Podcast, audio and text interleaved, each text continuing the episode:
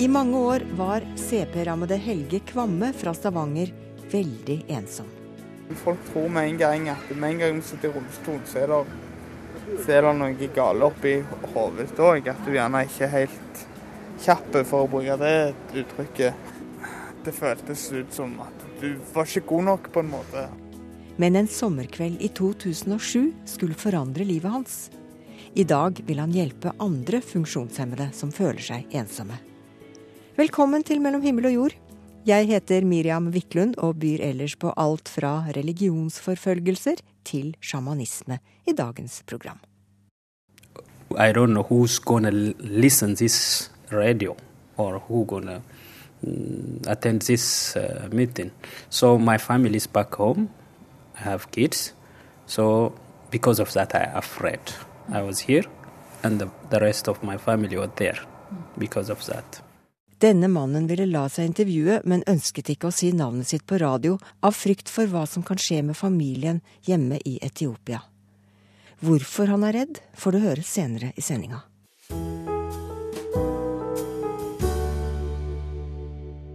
Gode og nære relasjoner er viktig i livene våre. Vi skal møte 26 år gamle Helge Kvamme fra Stavanger. Han har cerebral parese, og i hele oppveksten drømte han om å få en telefon der noen lurte på om han ville være med på kino etter skoletid. I dag har Helge mange gode venner, men nå ønsker han å hjelpe andre funksjonshemmede som føler seg ensomme. For han husker godt hvor vondt det var å føle seg alene. Ungdomstida mi var jo veldig sånn at på hverdagsbasis så hadde du Du snakket med folk på ungdomsskolen og videregående òg, for så vidt. Men når du var ferdig med skoledagen, så Du traff de på skolen, men du traff de på en måte ikke hjemme. De var altså De var venner dine på skolen, for da så læreren det på en måte. og da måtte de liksom, men hjemme og når de har valget, så, så velger de deg vekk på en måte. Det er en mild formiddag i Stavanger sentrum. Sola titter fram mellom skyene, og fuglene tripper rundt og leter etter brødsmuler i parken der vi har slått oss ned. Helge Kvamme sitter i rullestolen sin og ser utover Breiavannet. Han tenker tilbake igjen på ei ungdomstid der han stort sett satt hjemme på gutterommet etter skoletid. Det er jo veldig, veldig ensformig.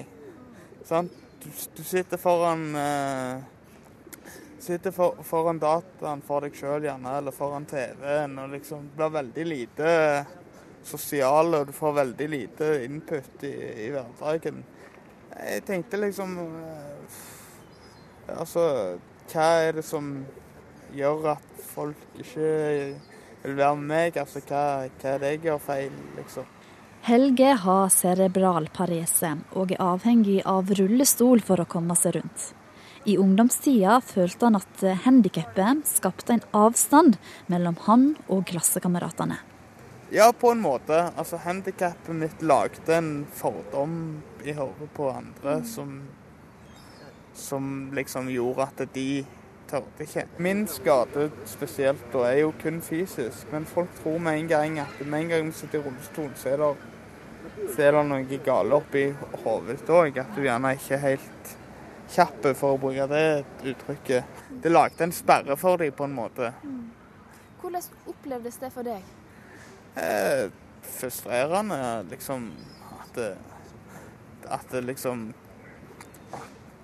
Det føltes ut som at du var ikke god nok, på en måte. Altså Du var, du var annerledes. Du var liksom den, den, som ble frøsen ut av flokken, på en måte.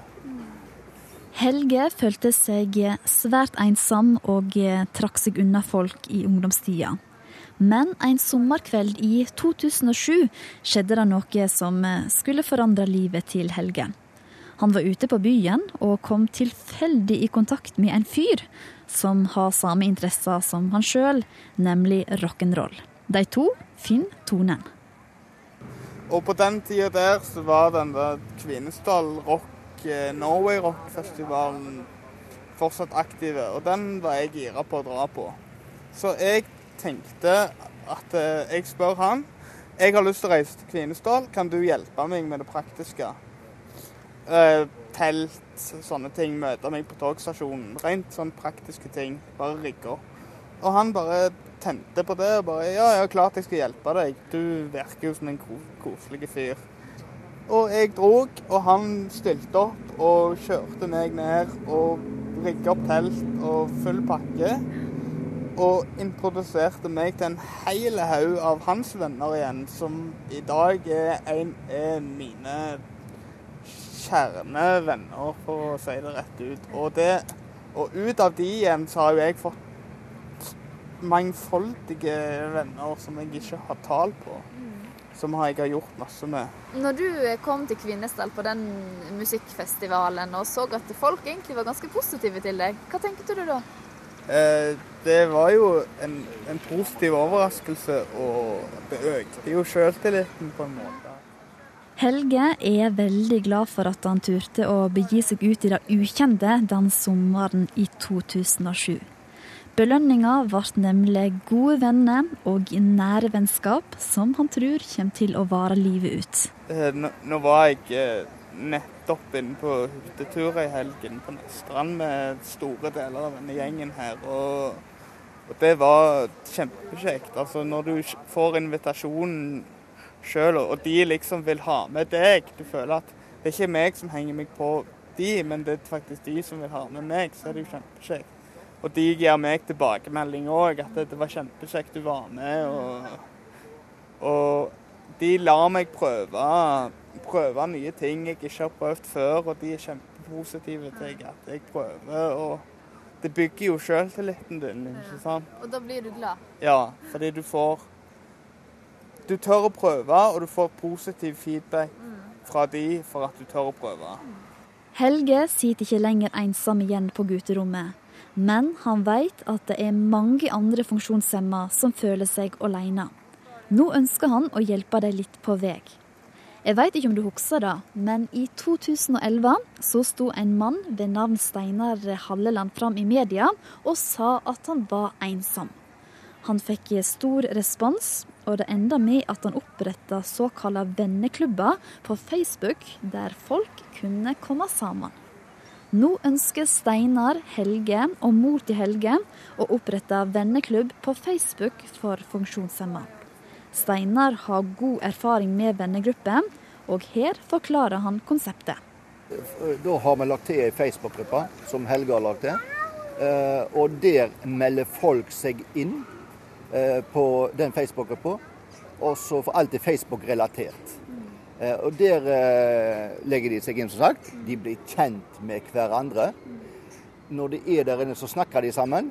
De lager te-arrangement. Og det er viktig da at der er det hver enkelt medlem som skal lage te-ting. Eh, og da kan du lage til alt du har lyst til å lage til, alt du interesserer deg for. Det er alltid for å sette seg til en god kopp kaffe eller te og preike, til å gå ut og gå rundt vann, til å gå turer, til eh, reise til gå, Se på en konsert og spille gitar sammen. Altså, sett hva det er, så gjør en det sammen med andre.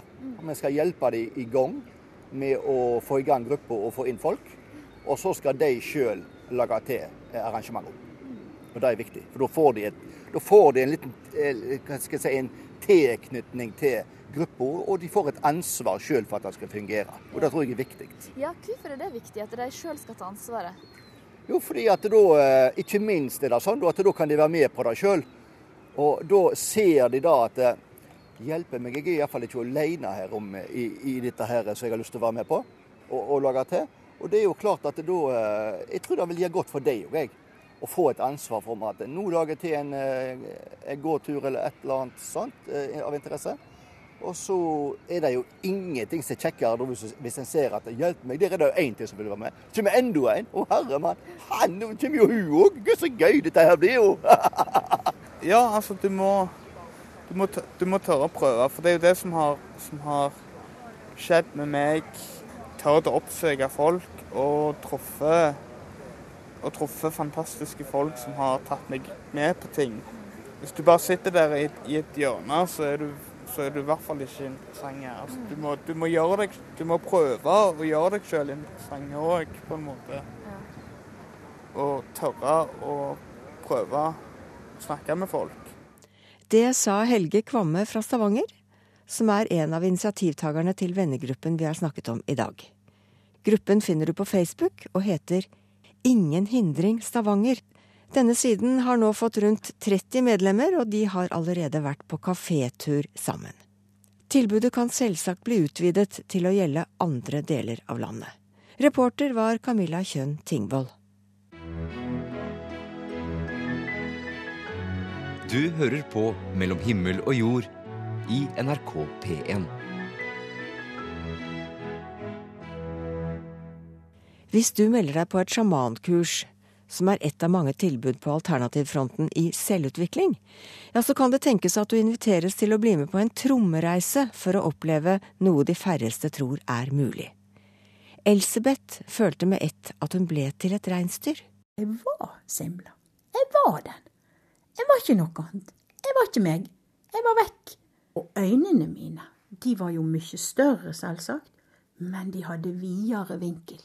Og akkurat regnet med øynene. Altså du kunne virkelig vrenge øynene alle veier. Så det var veldig årvåkent.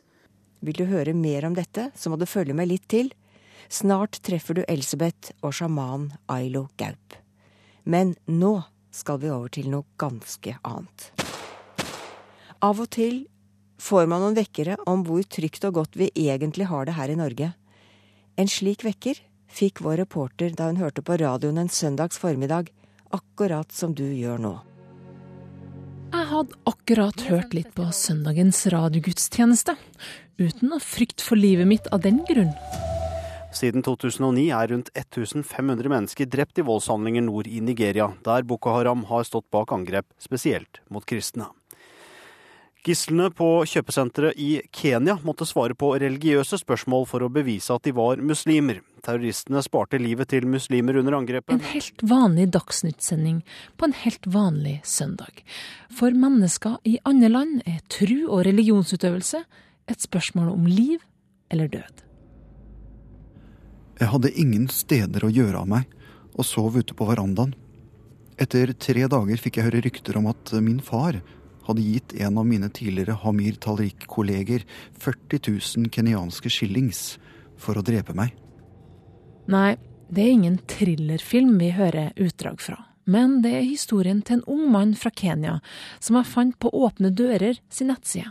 En organisasjon som setter fokus på trosforfølgelse av kristne. Men trosforfølgelse er noe som rammer de aller fleste religiøse grupper rundt om i verden. Man har jo ingen offentlig statistikk på hvor mange som nødvendigvis tilhører ulik tro, men i mange samfunn og i mange land så er det jo slik at nettopp fordi konsekvensen av å stå fram som den du er, er så ekstreme, så er det jo mange som unnlater å, i hvert fall offentlig, å gi til kjenne hva de tror på, f.eks. Men det er altså ingen tvil om at vi snakker om millioner på millioner av mennesker. Beate Ekløve Slydal er politisk rådgiver i Amnesty. Og sjøl om hun ikke har tall på alle som utsettes for religiøs forfølgelse, er det én gruppe som er overrepresentert på de statistikkene Amnesty har. Det er faktisk muslimer selv. Og Det er da særlig konflikten mellom eh, shia og sunnimuslimer som bidrar til at disse tallene blir så stygge. Irak er jo et av de landene i verden hvor eh, vi nesten daglig får informasjon om eh, bombeeksplosjoner, selvmordsbombere, som sprenger mennesker skjønner og sammen. Men når de harde fakta viser at bare fra april til august, så er altså minst 4000 mennesker drept som følge av religiøs vold i Irak. Born again men det er ikke bare innenfor islam at man møter motstand fra sine egne. So that. Samfunnet og familien min aksepterte meg ikke, forteller mannen fra Etiopia. Han vokste opp som ortodoks kristen, men da han ble født på ny, som han kaller det, og ba til Jesus i stedet for Maria og helgena, ble det ikke tatt godt imot verken i kirka, lokalsamfunnet eller familien. Onkelen hans har ikke snakka eller spist med sin gjendøpte nevø siden han for ca. ti år siden fant en annen vei til Gud enn den ortodokse veien.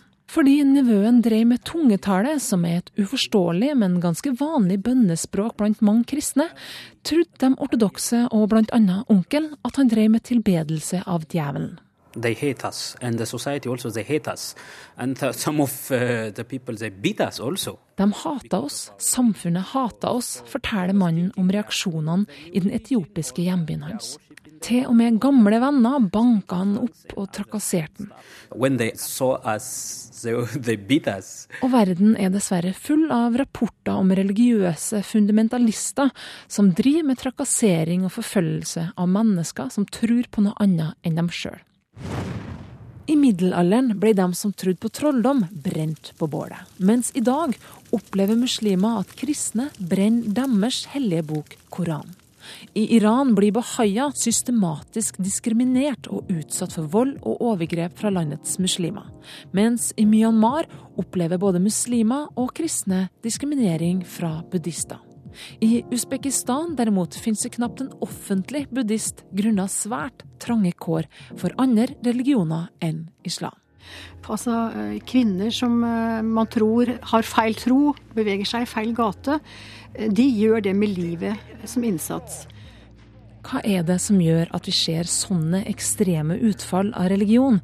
Hvorfor finner vi voldsbruk og intoleranse blant religioner som snakker om fred og nestekjærlighet?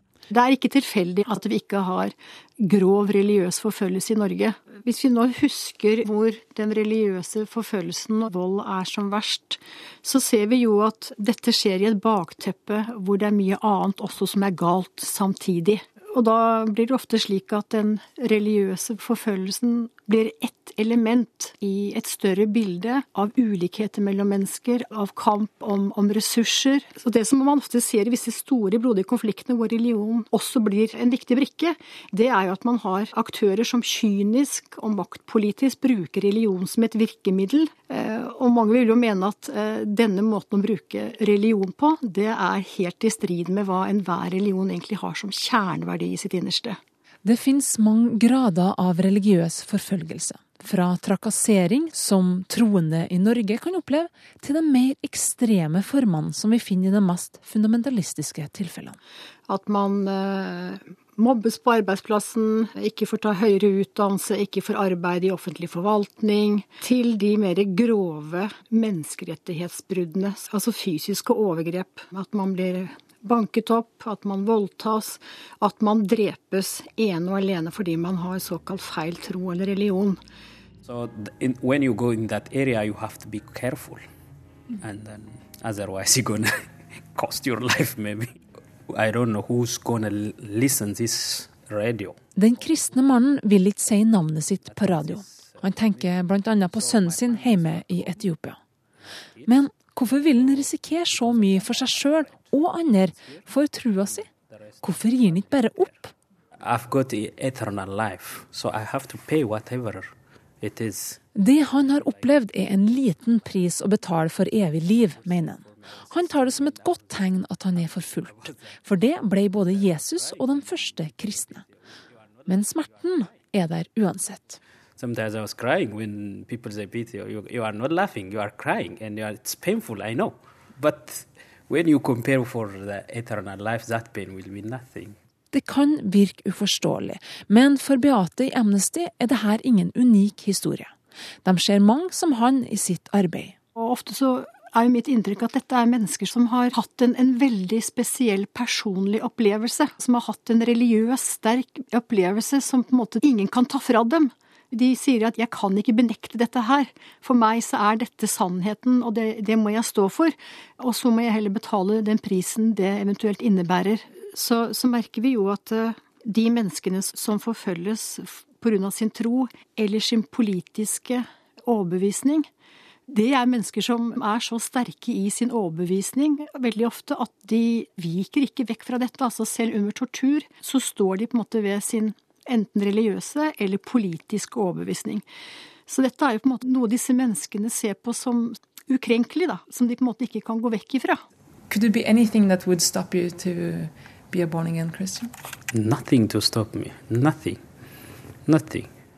Både korstog og jødeforfølgelse er eksempler på trosforfølgelse i vår historie. Men hvordan det står til med trosfriheten i verden i dag, var det reporter Kristin Norvald Mork som hadde tatt en nærmere titt på. Og i dag markeres for øvrig søndag for forfulgte kristne i kirker både her til lands og rundt om i verden. Og i Halden arrangeres det i dag det siste av månedens hele ni fakkeltog for forfulgte kristne. Så ukristen når jeg ikke klarer å bo alene. Det er litt sånn synd, da. Eller litt sånn, ja, det er sånn skambelagt over det. Du vil ikke rope til alle at uh, vi på en måte bor sammen. Du vil ikke si det til alle. Nei.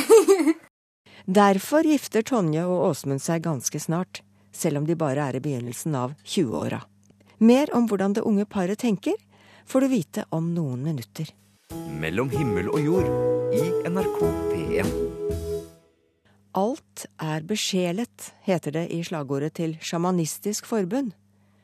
Det er nå blitt et godkjent trossamfunn i Norge. Og nå har vi besøk av en ekte nåtidssjaman som har undervist i sjamanisme i 25 år. Ailo Gaup, hva er sjamanisme? Sjamanisme vet du, det er, en, det er, jo en, vei, det er ikke et intellektuelt studium eller på den måten. Det er først og fremst en egen utviklings- og erfaringsvei. Jeg pleier å si at uh, sjamanisme er uh, den eldste åndelige tradisjonen på kloden. Det er jo ikke bare her. Og bevare meg vel, la oss ikke begrense det til den samiske, det samiske folk og den samiske åndelige verden. De forskjellige folk har sin egen art, og mye av det kan være formet av at vi lever under forskjellige naturgitte forutsetninger. Vi lever i forskjellig klima, forskjellige dyr omkring. Men, men, er sjamanismen en religion? Deler av sjamanismen er en religion, ja. Det er jo en form for hva skal vi si, Hvis jeg bruker andre ord, så er det en form for animisme. At alt, er, alt har sjel og er levende. Det særegne med sjamanisme er vel det at vi kobler oss på naturen og naturens vesener og naturens kraft. Og ofte på de symbolene vi kaller kraftdyr. For dyrene har jo helt andre sanser enn det vi har. En helt annen varhet og mottagelighet. Og, eh, hvis, hvis, man kan eh, reise til eller bli ett med eller forene seg med dyre, forskjellige dyrearketyper, så får man også en erfaring og en opplevelse av eh, å se verden gjennom dyrenes sanser og erfare dyrenes eh, varhet og mottagelighet. Jaha. Men når du eh, holder kurs i sjamanisme, det er en slags selvutviklingskurs, er det ikke det? Ja, det er jo liksom innenfor den kategorien selvutviklingskurs, åndelige erfaringer. Ja. Da, da, setter du i gang noe som kalles for tromreise. Ja.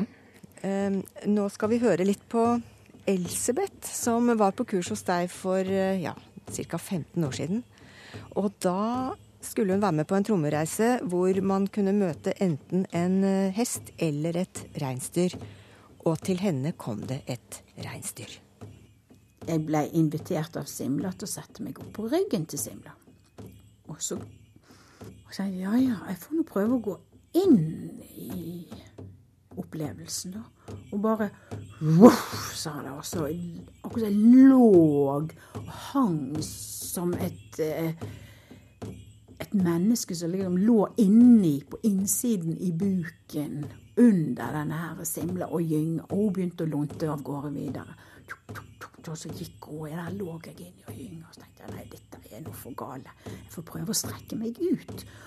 Og så tok jeg ene foten min, høyre foten, og så lirker den liksom inn i langs med foten og langs med beinet til denne simla, og svopp! Så var min fot dennes fot. Og så omtrent som når man legger på svøm fremover, så bare rakk jeg ut armene mine, gikk inn i frambeina på henne og rista litt på meg. Og der var jeg. Jeg var Simla. Jeg var den. Var ikke noe annet. Jeg var ikke meg. Jeg var vekk. Fullstendig vekk. Helt, helt var jeg ei simle. Og øynene mine, de var jo mye større, selvsagt, men de hadde videre vinkel.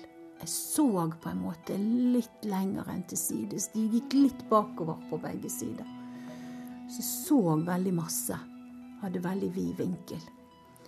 Og akkurat så de regnet med øynene. Altså du kunne virkelig vrenge øynene alle veier. Så det var veldig årvåkent. Um, men så kom jeg opp på vidda, eller opp på fjelltoppen, og skulle snu meg. For jeg skulle jo finne de andre. Og så snur jeg meg 180 grader og ser i motsatt retning. Og da ser jeg nydelige fjelltopper og ei stor vidde. Men fargene er fullstendig annerledes enn de fargene mine menneskeøyne ville ha sett med. Helt andre farger. Ja, der er en gråfarge i fjellet, og der er, en, der er forskjellige brunfarger. Men det som var mest fremtredende, det var det at det var store felt som var knalloransje. Det var andre felt som var knallblå. Hindrende farger. Og de sto sånn frem. Langt, langt, langt vekke. Skarpe, friske farger i forskjellige felt. Og noe av det var spiselig og det andre var ikke spiselig. For det her var vekster på marka som hadde andre farger enn vi ser. Så disse her grønne fargene og, eh, i vekstene, eller mose, eller hva det måtte være, de hadde andre farger. Og det har jeg ingen forklaring på, hva, hva det er for noe. Men det var det jeg så med mine øyne så kjenner jeg bak i nakken, der er et ledd. Og så bøyde jeg hodet ned. Hele lange halsen, helt ned til bakken. Og så kjenner jeg med mulen når den kommer an i mosa. Og den er en anelse fuktig og ganske myk. Og så kommer det en stor stemme fra oven som sier Du trenger ikke å spise nå. Og så løfter jeg hodet opp igjen. Så snur jeg meg igjen 180 grader. Og så kommer denne stemmen igjen, som sier Egentlig ganske rørende. Nå kan du gå tilbake til menneskene og si at de må stelle fint med jorda. det ehm, Det rører meg veldig. Det er jo så enkelt, men det rører meg veldig. Det var en Ja. Men så tenkte jeg Så står jeg og tenker Skal jeg, som er ei simle, gå tilbake til menneskene og fortelle det? Hvordan skal jeg kunne fortelle det? Hvordan skal jeg kunne kommunisere med menneskene? Hvordan kan jeg snakke med dem? Jeg er jo ikke et menneske. Jeg er nå bare ei simle. Oi, menneske. Og så åpner jeg øynene. Og så er jeg tilbake igjen. tenker jeg, i alle dager, hvor er jeg hen? Hva er det som har skjedd? Det var så overveldende. Jeg skjønte ingenting.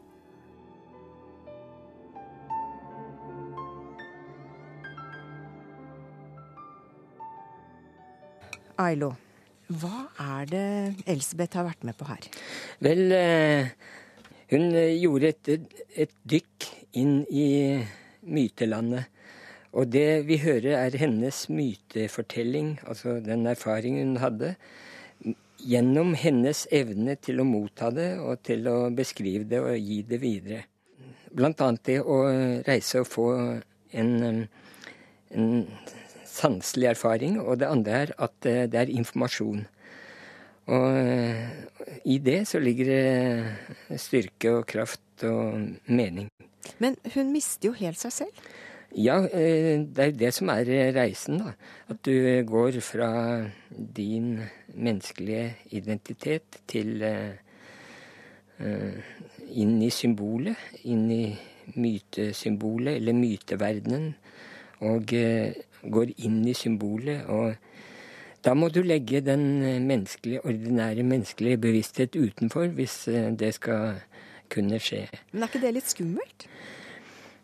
Tja, når man er i reisa, så er det ikke skummelt. Det som gjør det skummelt, er alle de advarslene man kan få, alle den, den frykten som kan skje for det ukjente osv. Men, men har du opplevd f.eks. at noen har hatt problemer med å komme tilbake? Ja, en gang i mitt liv har jeg hatt det.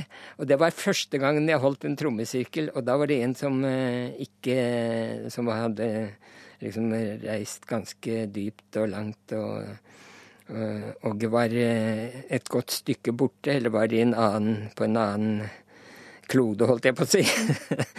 og, men, men, gjennom den utdanningen jeg har tatt, så har vi lært om emergency, hva man gjør for å få folk tilbake. Men du, hun gir en beskrivelse av ø, å føle seg som et reinsdyr. Ja. Har du noen gang følt deg som et reinsdyr? Ja. Kjenner du igjen hennes beskrivelser? Ja, veldig godt. Veldig godt. Hun sier noe om at fargene så annerledes ut. Gjorde ja. det for, det for deg òg? Ja. Nei. Jo da. Og det er vanlig. Det er sånn, sånn det er. Hva skal jeg si Ens egen frie sjel som blander seg med reinsdyrets sjel, og liksom er identisk med den for en stund, og så opplever man verden sånn. Det er det samme som f.eks. hvis man rir på en ørn og går inn i ørnen, så får man ørneblikk. Og det er noe helt annet enn et reinsdyrblikk. Og dette her er jo dette er også en gammel arv. Det er det samme som å gå i bjørneham eller ulveham, eller det som er liksom mer kjent. Reinsdyr i sjamanspråket kommer fra det høye og landet på jorda, for å si det sånn, og er bærer av en, av en høy og inspirert eh, sjel. Og kan eh, hjelpe deg til å åpne deg for eh, hva skal vi si, høyere verdener eller dimensjoner. Sjaman Ailo Gaup, som selv er same, selv om han delvis er vokst opp i Vestfold, sier at sjamanismen nå ser en ny vår over hele verden i takt med at tiden er moden for å gjenopprette respekten for naturen og de kreftene som bor i den. Han sier også at selv om samene i hovedsak er kristne i dag, er det mange som i det stille har innlemmet elementer fra urreligionen i sin livsanskuelse. Andre har stått fram offentlig i forbindelse med sitt engasjement for den sjamanistiske førkristne folketroen. I dagens samfunn er det ikke så normalt å gifte seg mens man er ung. Statistikk viser at de fleste er mellom 34 og 37 år når de bestemmer seg for å gå til alters. Åsmund Sundseth og Tonje Christoffersen på 21 og 22 år venter ikke så lenge. De skal vies i januar, etter tre år som kjærester. Som personlig kristne forteller paret at det ikke er helt tilfeldig at de velger å gifte seg mens de er i starten av 20-åra. Ja, altså det er jo egentlig fordi at vi ikke skulle være samboere, da. Men så dro jo Åsmund i militæret. Og det ble jo veldig vanskelig for oss begge. Da sleit vi veldig med på en måte forholdet og var veldig usikre. I hvert fall jeg på meg klarte å holde ut og hva skal vi gjøre, og veldig sånn dramatisk. Men så, så når han kom hjem, så ble det liksom til at jeg mer og mer flytta ting inn på rommet hans. og sånn, For vi bor på en måte i to forskjellige etasjer i et kollektiv.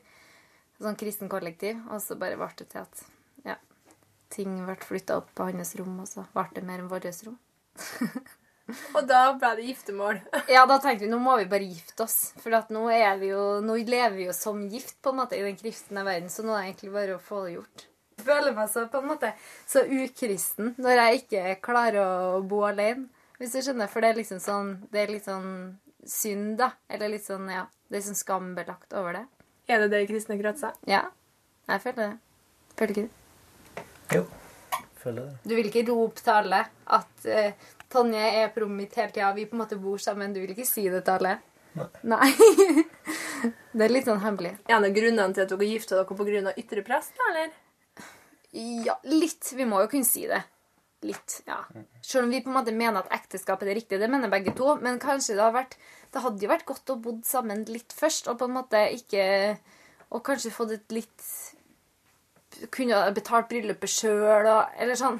Men det er egentlig ikke noe forskjell for meg om vi gifter oss eller bor sammen. Det er bare egentlig deiligere å være gift, hvis du skjønner hva jeg mener. Da har vi jo tatt et løfte om at vi skal være sammen for alltid. Ja. Tonje og Åsmund deler mange av de samme verdiene. De deler også samme livssyn. Er det viktig? Det er egentlig det. Ja, det er det. Mm. Ja, det er det. Ja, men det er, det er viktig. Er det også en av grunnene til at dere er sammen? At dere deler samme tro? Det var jo derfor vi kom i kontakt gjennom kristenrussen. Så det har jo ganske mye å si, det. Mm. Ja, vi hadde jo ikke møttes hvis Eller vi hadde jo sikkert kunnet møttes, men det var liksom det som førte oss sammen, da. Ja, for når dere gifter dere nå, gjør dere det ikke bare for venner og familie, men også for Gud? Ja.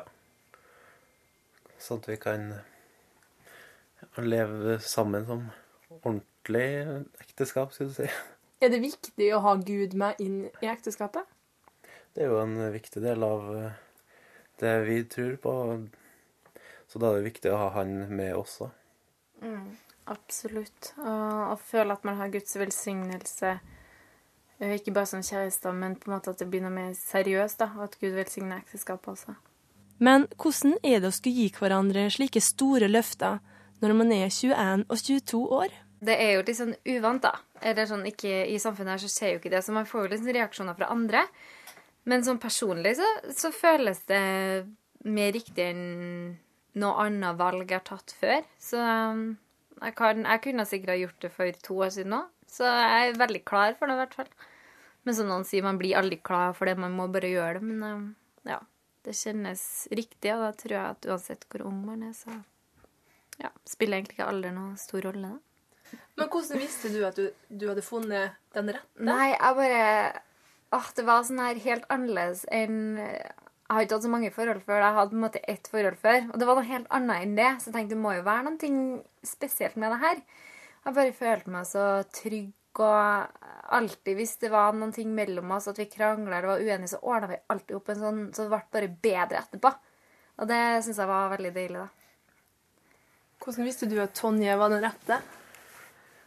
Eh, jeg er jo sånn som ikke tenker så veldig mye, da. Men eh, etter hvert så Det var jo fryktelig artig å være med og sånn, og det er vel det som er hovedgrunnen da, til at vi er sammen og skal være sammen eh, for resten av livet, forhåpentligvis. Ja, for hvordan er det å tenke at du faktisk skal være sammen med henne resten av livet? Jeg syns det er en bra tanke. Jeg tror vi skal få det veldig fint. Det er ikke skummelt, tanke? Nei, altså Nei. Ikke, ikke egentlig. Men noen ganger om netteren så drømmer jeg at jeg blir sammen med andre, eller at det blir slutt og sånn. Og da syns jeg bare det er veldig fælt. Så jeg syns egentlig det er veldig, bra at vi skal være sammen for alltid. Siden jeg får sånn dårlig følelse hvis jeg tenker på at jeg skal være sammen med noen andre, eller ja. Så nei, jeg tror det, det føles egentlig ikke noe skummelt. Og snart er den store dagen her. Åsmund i sort og Tonje i hvitt. Tonje har planlagt alt. Åsmund har ansvar i å møte opp. Kjenner Åsmund seg klar til dette her? Ja. Kanskje ikke alltid vært det, men jeg har vel fått litt hjelp av Tonje til akkurat det. Men... Er det hun som er tvingt til det? Nei, jeg har ikke tvingt meg. Absolutt ikke. Det var reporter Benedikte Bjørkmo som var i samtale med Tonje Christoffersen og Åsmund Sundset. Husk at du kan nå oss per e-post hvis du har noen ord til oss. Himmel og jord i ett ord. Krøllalfa nrk.no. Eller send brev i posten til Mellom himmel og jord, NRK 7005 Trondheim. På vår nye digitale kanal P1 pluss. Der kan du høre programmet om igjen i kveld i timen mellom klokka 21 og 22. Det skjer enten via nettradioen eller en DAB-radio. Du kan også klikke deg inn på radio.nrk.no og finne oss der. Vil du laste programmet ned som podkast, ja, da finner du en versjon uten musikk via nrk.no podkast. Jeg heter Miriam Wiklund. Ha en herlig søndag, gjerne med NRK i mange kanaler. Mellom himmel og jord. Søndager klokka ti.